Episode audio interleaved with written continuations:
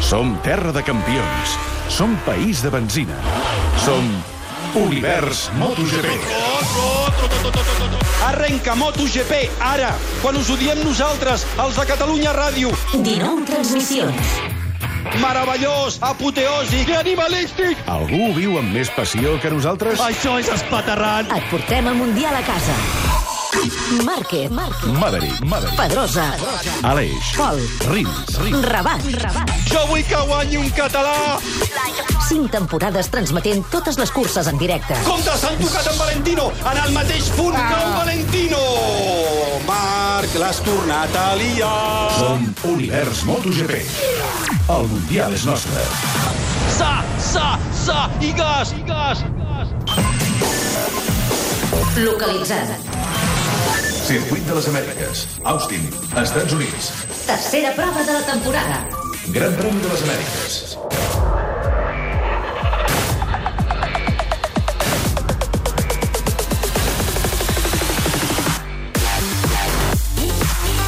Marc Márquez es va equivocar a l'Argentina. Els nervis el van superar. Es va embrancar en unes remuntades bojarrades, saltant de sanció en sanció, i no va tenir la sang freda necessària que pertocava. Mereixia el zero, és així.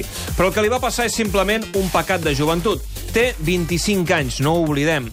Márquez s'equivoca, però Rossi pixa fora de test. Ell, que en té 39, que ha guanyat 9 mundials, que les ha viscut de tots colors, que també n'ha tingut 25 i les ha fet de l'alçada d'un campanar a la pista, que de la bogeria pilotant sovint n'ha fet bandera per demostrar la seva valentia piticollons, ell, Valentino Rossi, ell, millor que ningú, hauria de saber estar, callar i no arrossegar pel fang el nom d'un gran campió com Márquez. Saber estar a l'alçada forma part també de les virtuts d'un gran campió. Torre de control. David Clopés. Bona tarda, a dos quarts de nou i obrim Univers MotoGP, Gran Premi de les Amèriques des d'Austin, la primera cursa després del Gran Sidral de l'Argentina. Rossi i Márquez avui es tornen a veure les cares face to face a la pista, com dos cowboys del llunyà oest americà. Cursa calenta, de les més calentes que es recorden, i molts, molts, molts, molts molts aficionats del motor pendents del circuit d'Austin. I nosaltres, fidels al nostre lema, us oferim en directe 19 curses, 19 transmissions, perquè som país de benzina, som terra de campions, som Univers MotoGP. Pole position. Damià Aguilar. Bona tarda. Recordeu el gran Steve McQueen. Les curses són la vida. El que hi ha entremig només és l'espera. Paddock. Oriol Rodríguez. Ja s'han disputat dues curses aquesta tarda. En Moto2, victòria per Francesco Bagnaia per davant d'Àlex Márquez i Oliveira. En Moto3, la victòria està per Jorge Martín per davant de Bastianini i Bezzecchi.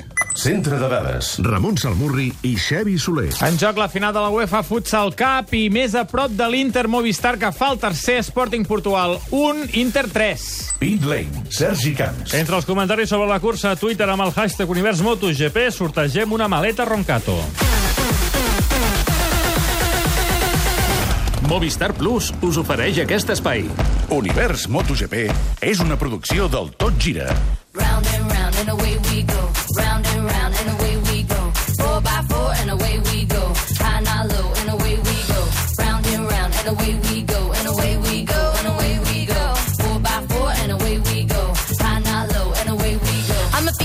Va, ens posem una mica en moda cowboy, ens anem fins a Austin, fins a Texas, avui Gran Premi de les Amèriques, tercera cursa de la temporada, obrim l'univers MotoGP amb la nostra transmissió habitual, amb el Damià i amb l'Oriol. Què tal, com esteu? Bona tarda. Bona tarda. Bona tarda. A veure, com sempre, mirem a l'inici de la transmissió cap al cel, Damià, i a Austin normalment no hi plou mai, eh? No, No. serà l'excepció. Jo no recordo una cursa que hi hagi plogut. Ahir vam tenir pluja durant alguns entrenaments i part de les classificacions, però jo no recordo que hagués plogut mai en cursa i, eh, a més a més, ara mateix uns 23 graus de temperatura. Per tant, serà cursa en sec. Avui no tindrem eh, eh, problemes amb la pluja, com va passat en anteriors curses d'aquest Mundial.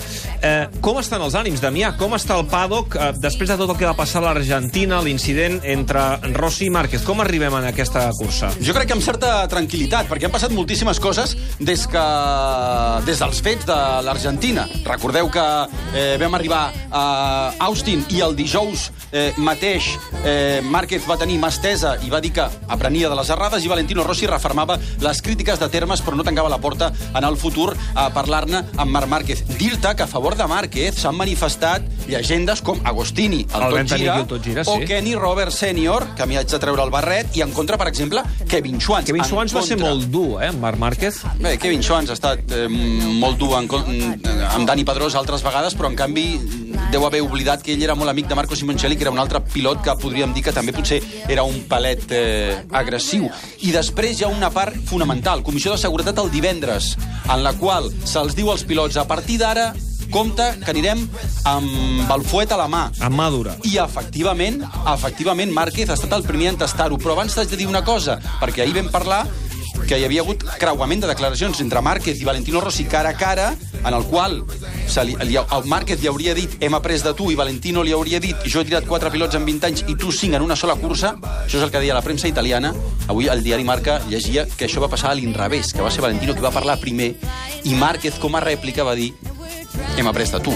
Bé, doncs, eh, clar, això són converses que queden eh, eh, tancades dins aquesta comissió de seguretat i, evidentment, van transcendint cosetes d'aquesta lluita, eh, d'aquesta picabaralla dialèctica entre Márquez i, i Rossi, que avui la veurem a la, a la pista. Eh, el que deies, Márquez ja ha tastat aquest enduriment eh, de l'organització perquè, malgrat va aconseguir la pole position, va trobar-se amb Maverick Viñales quan intentaven tots dos fer la volta ràpida, el van torpir a Maverick Viñales i l'han sancionat amb, amb tres llocs a, a la graella. Tres posicions de graella, també a Pol Espargaró. En el cas de Márquez ho vam veure tots. En el cas de Pol Espargaró sembla que no hi ha gaires eh, imatges, però sí que és veritat que això pot passar i passa moltes vegades. De fet, va passar l'any passat a la classificació protagonistes Valentino Rossi i Maverick Viñales, però, lògicament, no podem fer comparances perquè la nova vara de medir mm. comença a partir d'ara. Per tant, serà a partir d'ara que haurem de fer les comparances. Si avui heu aterrat a la Terra després d'un viatge interplanetari i no sabeu de què estem parlant, us ajudem a fer memòria. El Mundial va viure fa 15 dies a l'Argentina un dels seus capítols més polèmics. Rossi i Márquez se les van tenir dins, però també fora de la pista. La guerra s'ha obert. Tocat amb Valentino en el mateix punt. Ah. Nou Valentino! Marc, l'has tornat a liar. Ha pasado lo que, lo que ha pasado. eh, él se, nos hemos tocado, intentando, intentando girar cuando ha entrado al césped se, se ha caído. È pericoloso. Io ho paura di stare in pista con Marquez. Lo fa apposta. Non ha rispetto per i suoi avversari. Io quando sono in pista con lui ho paura. Non mi tratta come gli altri, ma ancora peggio, come è successo anche nel 2015, eh, che mi ha fatto perdere il mondiale apposta. Me preocupa cero, soy honesto y sí, he cometido un, error, eh, involuntario totalmente. En ningún caso con el toque he tirado a nadie, ni he ido a buscar a nadie.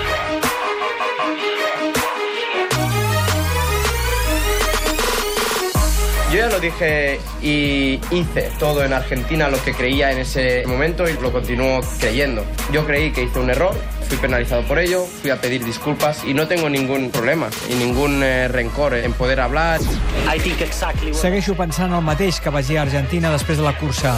Confirmo aquelles paraules i ara el que és millor és tirar endavant. Better to look forward. Érem eh, 20 pilots allà dins i cadascú pues, tenia la, la, seva, la seva opinió, però bueno, van sortir amb la conclusió, bueno, el que ens van anunciar, tampoc va haver eh, gaire marge de, de maniobra, eh, que, que, que, bueno, que serien més durs.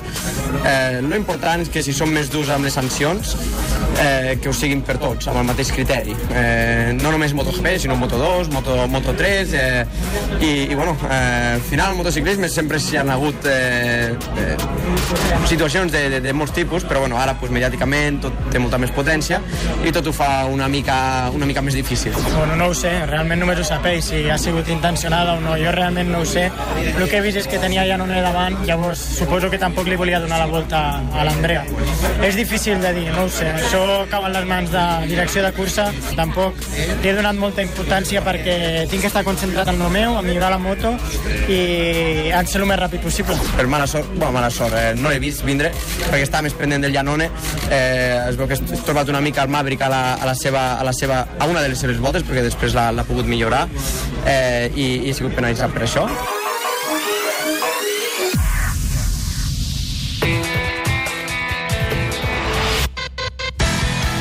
Minuts i la cursa. Uh, a veure, uh, ras i curt, uh, ho llenço sobre la taula. El que va passar a l'Argentina, a qui passarà més factura? A Rossi o a Márquez?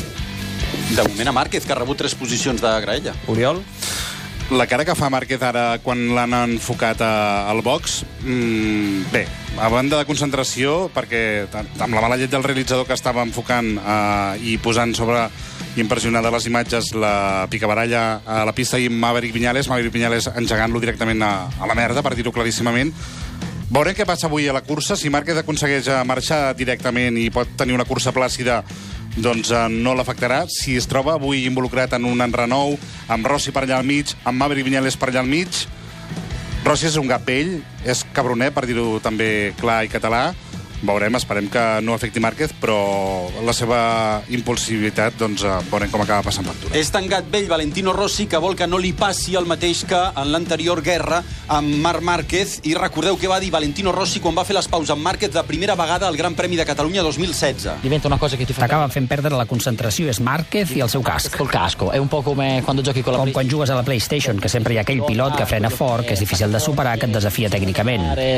Però deixem de banda els problemes del passat. Lasciando eh, da una parte i problemi che abbiamo avuto in passato. Doncs ara hi ha els problemes del present. Bé, veurem què és el que passa avui a la pista. Per cert, amb tot aquest sidral, eh, els principals afectats són tots dos, Rossi i Márquez, perquè classificació del Mundial, repassem l'Oriol, cap dels dos és ni tan sols entre els quatre primers. No, un el trobem al cinquè lloc i a l'altre al, al vuitè. Crutchlow és el líder, veurem si avui és capaç de sortir d'aquí líder, 38 punts, Dovizioso 35, Zarcon té 28, Viñales 21.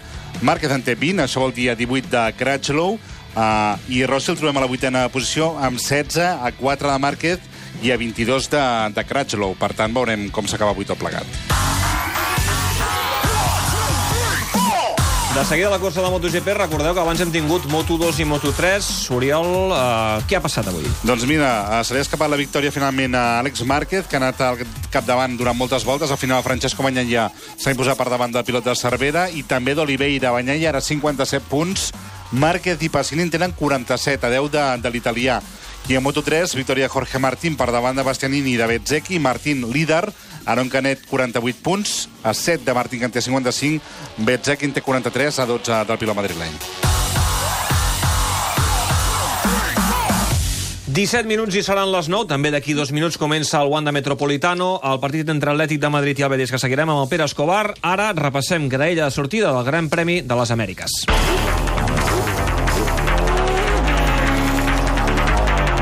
Tercera fila. Nové, Dani Pedrós, a Monda. Vuitè, Andrea Dovizioso, amb Ducati. Setè, Cal Crutchlow, a Monda. Crutchlow, que avui té difícil defensar el primer lloc a la general de Mundial. Dovizioso intentarà, com a Argentina, minimitzar les seves pèrdues i Pedrosa, només acabant la cursa, completarà la gesta del cap de setmana. Recordem que el pilot ve d'una operació.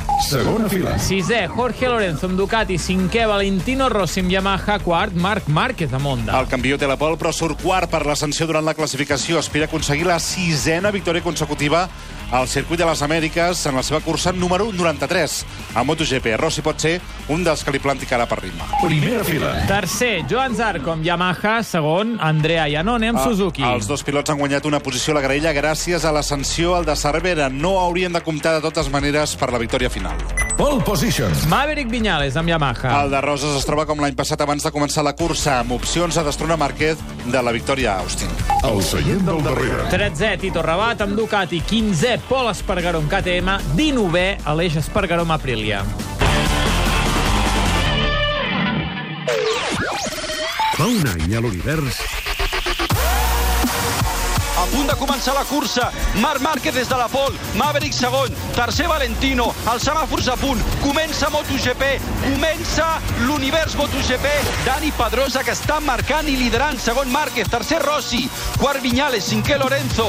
Cau Maverick. Ha caigut Maverick Viñales? Ens informen de la caiguda de Maverick Viñales. Ha caigut Maverick. Volta ràpida per Pedrosa. Volta ràpida per Márquez.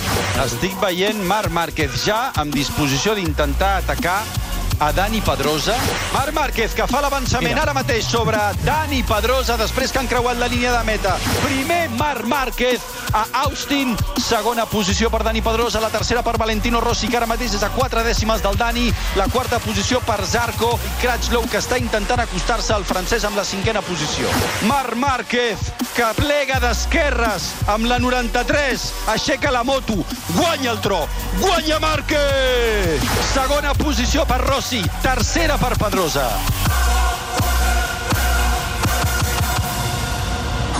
Trending GP. Avui, com sempre, entre els comentaris sobre la cursa a Twitter amb el hashtag Univers MotoGP sortejarem una maleta de cabina Roncato. Els comentaris que ja ens arriben, l'Adrià diu Márquez ha de fer una cursa escapant-se i corrent al solitari per evitar cops amb els rivals. El Joan, el Marc avui eh, gairebé gorra com el, eh, corre com el local, toca victòria. La Laia, la rivalitat Márquez-Rossi li dona molt, eh, molt aquest esport, però s'han de mantenir les formes. Últimament eh, potser s'han perdut una mica. I el Carles, que diu avui el Marc la tornarà a liar i guanyarà. També la gent del motor que ha fet tuits aquest cap de setmana. En destaco un. És un vídeo que ha publicat el Marc Márquez al seu compte de Twitter per promocionar la cursa, on es disfressa de cowboy i competeix en una cursa d'obstacles. Ell condueix una moto i la seva oponent és una noia que va amb cavall. Comença Wanda Metropolitano, primera divisió, Pere. Ho acaba de fer, ha començat a moure la pilota el Wanda Metropolitano després de l'espectacle d'ahir. Dubto que avui tinguem un gran espectacle, però juga el Betis. I això sempre és apassionant. Primers instants de partit, pilota pel Betis, empaten a 0 el Metropolitano, Atlètic de Madrid i Betis.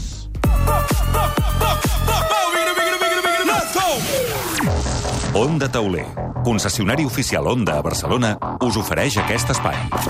Moments universals. L'any passat vam obrir un nou espai a l'univers, els Moments Universals, un espai eh, on recordem els grans moments de la història del Mundial de Motociclisme. Molts d'aquests moments els hem viscut en directe a Catalunya Ràdio, i és que fa 31 anys, 31, que seguim al Mundial. Va començar el Pere Flores i va seguir després el Damià Aguilar. Avui, la primera victòria de Marc Márquez de MotoGP, que va ser a Austin, és eh, el moment universal que us presentem. L'idili de Marc Márquez amb el circuit d'Austin no és que vingui de lluny, és que ve de sempre. El circuit de les Amèriques es va incorporar al calendari de MotoGP la temporada de debut del Tro de Cervera a la categoria reina. Austin és un circuit llarg, té 5 quilòmetres i mig, amb una recta no principal de 1.200 metres. El seu distintiu és el primer revolt d'esquerres, molt tancat i en pujada, que suposa pels pilots salvar un desnivell de 41 metres. Gira d'esquerres, que és el sentit que li va més bé a l'actual campió del món. La cursa es resumeix aviat. Márquez sortia des de la pol, però Dani Pedrosa va prendre la davantera durant les 12 primeres voltes. A nou pel final, el Cerverí es posa al davant. Al principi, Pedrosa s'hi arrapa, però després Marc Márquez és capaç d'obrir un forat d'un segon que es manté fins a la meta.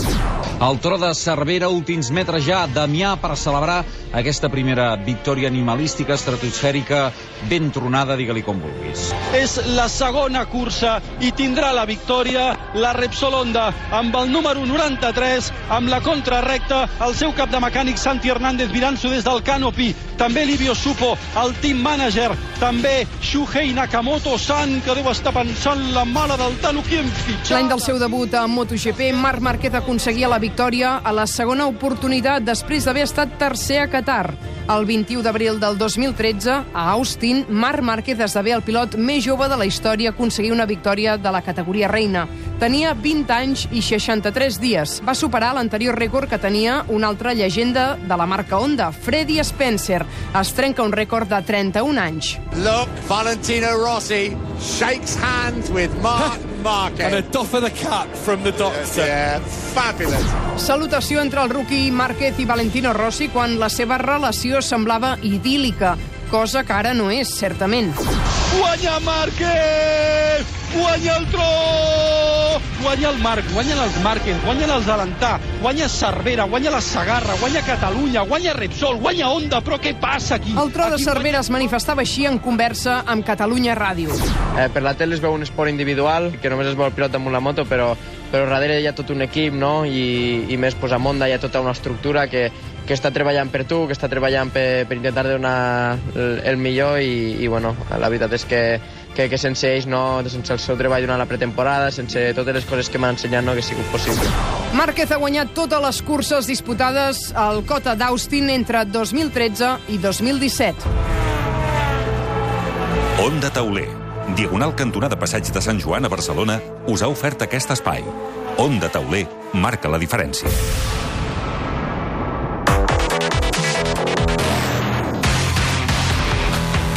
Començat, Pere, aquest partit al Wanda Metropolitano, Atlètic de Madrid-Betis? Doncs, com dirien a Madrid, amb un meneito de gairebé 3 minuts de passeig del Betis al damunt del Wanda, l'Atlètic tenia alguna referència de la pilota perquè l'han vist abans de sortir al camp, però fins ara que ha aconseguit eh, forçar un corna. Corna favorable a l'Atlètic de Madrid, empaten a 0, 4 i mig, a la sortida del corna, sota els pals Dani Jiménez, la pilota li topa, perquè no ha estat una rematada, li topa el cap de Fernando Torres, surt el contraatac al Betis, han dit que és dos contra un, encara el contraatac Barragán per la banda dreta, fa un retall Barragán, mira de fer el xut, ha pogut posar la cama Jiménez, recupera eh? l'Atlètic de Madrid. S'equivoca perquè tenia un company a l'esquerra Sí, absolutament sol. sol. A, a tres quarts de nou, com el Wanda ha començat un partidàs al Calcio Itàlia que pot decidir el títol en favor de la Juve. Sí, sí, és el, no serà matemàticament, però és el partit que farà la pas diferència decisiu. a la sèrie. Juve, líder, Nàpols, segon classificat, 4 punts de diferència, 5 jornades pel final.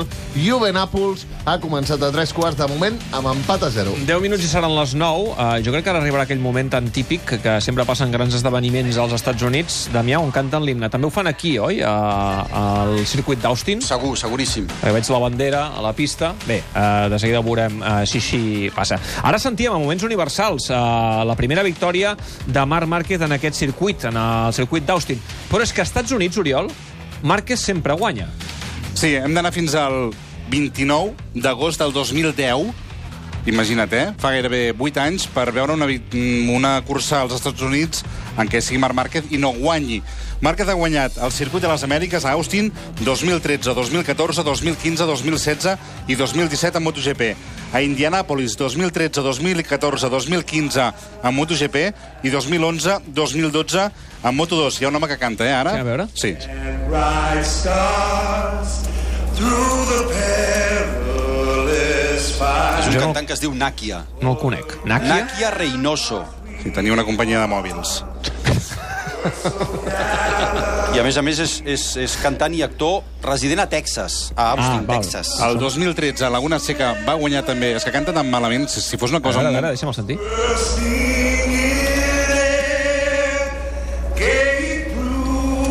Home, tampoc ho fa tan malament. Sí, però no és un himne d'aquells que dius, va, deixem-lo, no?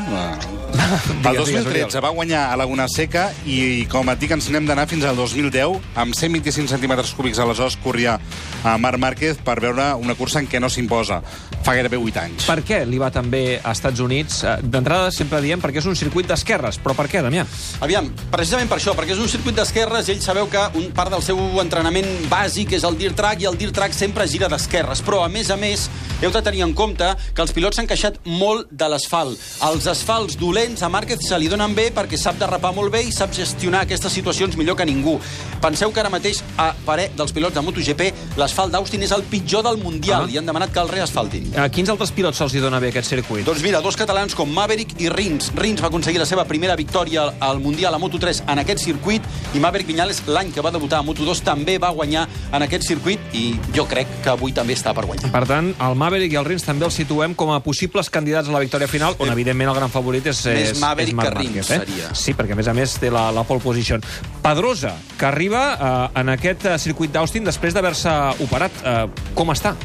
Home, està, està molt fotut, ha anat de més a menys. Eh, no sabem ben bé, no tenim la informació exacta de si segurament s'haurà infiltrat. És molt difícil que s'hagi punxat, perquè aquestes lesions, si tu punxes, pots adormir alguna part vital de la mà i penseu que estem parlant d'algun revolt, com és el 12, que és el més fotut del calendari, que passen de 3,40 a 65 i necessites la mà dreta que Pedrosa té lesionada per frenar. Per tant, és probable que li hagin donat un bon còctel d'analgèsics, en aquest cas, per intentar aguantar les 20 voltes. Serà complicat. El, el màxim de voltes que ha fet seguides eh, Pedrosa aquest cap de setmana són 6. Per tant, ho té, ho té pelut. Però, insisteixo, acabarà plorant, però si acaba serà heroic. Imagineu-vos, eh, que t'obren la mà i uns dies després eh, te'n vas a pilotar en un circuit a, a màxim rendiment. A l'Escobar em peixim la mà com tia. No m'ho vull ni imaginar. El més proper que he vist és el Salmo quan li van obrir el cap i mira com està. Vull dir que no. Lo d'aquesta gent és increïble. Per cert, la cursa d'avui té una volta menys, Damià. Sí, té una volta menys, vaja, això ja és una decisió, anirem parlant aquesta temporada, eh, segons el circuit és una volta menys, una volta, dues voltes menys, però això afecta i afecta sobretot el consum de benzina. Aquest és un circuit que matxuca molt el consum de benzina i per algunes marques com, com Ducati, per exemple, doncs eh, serà beneficiós també, lògicament, en el desgast dels pneumàtics. Que sigui una volta menys no és super significatiu, però són 5 quilòmetres i mig, per tant, eh, en algun cas ha de comptar, perquè ja sabeu que aquesta gent, els enginyers, ho porten tot al mil·límetre. Ara ens deia el Damià Oriol que és dels pitjors circuits a nivell d'asfalt, o això és el que diuen els pilots, tot i que eh, l'han reasfaltat, no? L'han millorat. Sí, en alguns llocs eh, l'han aplanat per eliminar alguns sotracs, però... Sí, hi havia sotracs. Sí, Hi no, havia sotracs. no han fet... que, recordem que aquí és un circuit on també hi ha gran premi de, de Fórmula 1, al circuit de, de les Amèriques, per tant, bé, eh, és un circuit que no acaben d'estar satisfets dels dos en alguns sotracs, tot i aquest reasfaltat, demanen fer una mica el que va fer Catalunya, eh, que és reasfaltar-ho tot per, perquè s'hi sentin còmodes. Clar, eh, sobretot a, a la primera pujada, després hi ha alguns revolts perillosos en què si l'asfalt no està al 100%, doncs... Eh, Val una pilot poden pasta metre. rufa, eh? 5 Home, quilòmetres i mig, eh? Sí? Això deu anar cap als 4 milions de dòlars fàcil. 4 milions de dòlars per reasfaltar. Sí, segur. Déu-n'hi-do. La xarxa Fort de Catalunya t'ofereix aquest espai. Damià Vol. Menys de 5 minuts i comença la cursa. Uh, ja sabeu que MotoGP té una mena de Hall of Fame. Uh, tots aquells pilots que, pels seus mèrits històrics, reben el qualificatiu de llegendes. Damià. A Austin li ha tocat a l'ex-subcampió del món de 500, Randy Mamola, un personatge molt actiu al paddock, amb papers de coach, de pilot de la Ducati Biposto o comentarista televisiu, com és el cas ara amb Movistar MotoGP. Mamola resideix a Sitges des de fa molts anys, però va néixer a Califòrnia, on va canviar la música per les motos. I entre els 8 anys i els 11 o 12 vaig tocar la bateria. I el meu professor era el bateria de Tom Jones. Després, però, de sobte em van introduir en això de les motos, amb una onda de 50 centímetres cúbics. Jo recordo que tenia un joc uh, uh, d'Amstrad, que era el Randy Mamola, uh, que em tenia uh, viciadíssim, viciadíssim. I molava, no? Ma Mamola, Mamola molt, Mamola molt. Randy Mamola, nova llegenda de MotoGP, el 26è, uh, concretament, és el primer llegenda de MotoGP que no ha estat prèviament campió del món. Podeu escoltar la seva història a catradio.cat barra MotoGP. Des de la tecnologia més avançada arriba a Sant Just el sub més segur del món. Arriba el nou Volvo XC40. Ja el tenim a Diesel Auto, el teu concessionari oficial a Sant Just d'Esvern, al costat de TV3. Volvo XC40. Tu has nascut per gaudir-lo. Ell ha nascut per protegir-te. Descobreix-lo en exclusiva a Diesel Auto, la major exposició Volvo de Catalunya. dieselauto.com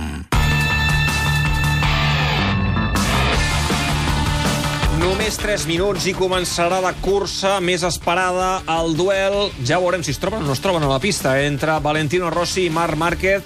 Ja ho sabeu que el Marc surt des de la quarta posició, el Valentino Rossi el trobarem una miqueta més enrere, just darrere, a la cinquena posició. Veurem què és el que passa just a la sortida.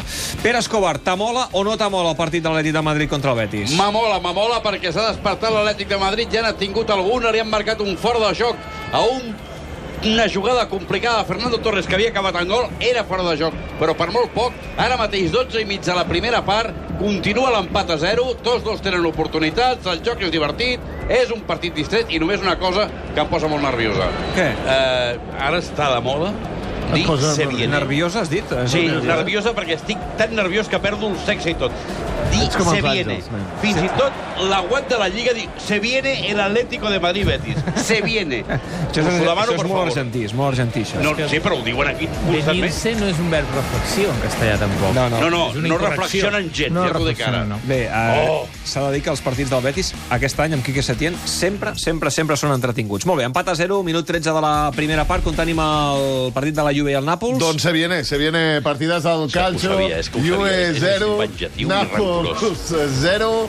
Uh, de moment el partit empatat al 12 de joc. És que l'entrenador del Betis és Quique se viene. Ha començat volta d'escalfament, Gran Premi de les Amèriques. Oriol, recordem aquesta graella de sortida de la tercera prova de la temporada. A la primera fila Viñales i Anones Arco, la segona Márquez, Rossi, Lorenzo, la tercera Crutchlow, Dovizioso i Pedrosa. I tenim una classificació del Mundial que encapçala Atenció, Cal Crutchlow, ni Márquez ni Rossi. No, ni, ni Dovizioso, que és segon. Crutchlow, 38 punts, Dovizioso, 35, Zarco, 28, Viñales, 21, Márquez, 20 a 18 de Crutchlow, Miller és 6 amb 19, Petrucci en té 17, Rossi en té 16, deixa'm dir-te també, Alex Rins, per exemple, 16 punts, el Tito Rabat 14, Pedrosa en té 9, mentre que el Jorge Lorenzo, per exemple, només té un punt a la vintena posició. I en aquest Gran Premi de les Amèriques sortegem com a cada cursa una maleta Roncato entre els comentaris sobre la cursa a Twitter amb el hashtag Univers MotoGP. El Charlie que ens diu espera una bonica lluita entre Márquez i Maverick, a veure si Pedrosa pot fer una gran cursa aguantant el dolor. El José diu primera victòria per a Maverick i gran remuntada de l'Aleix Espargaró. I el Javi, una altra nit de nervis. Són les 9 de la nit. És el moment en què a Austin, Texas, Estats Units, comença la tercera cursa de la temporada, el Gran Premi de les Amèriques. És el dia en què Valentino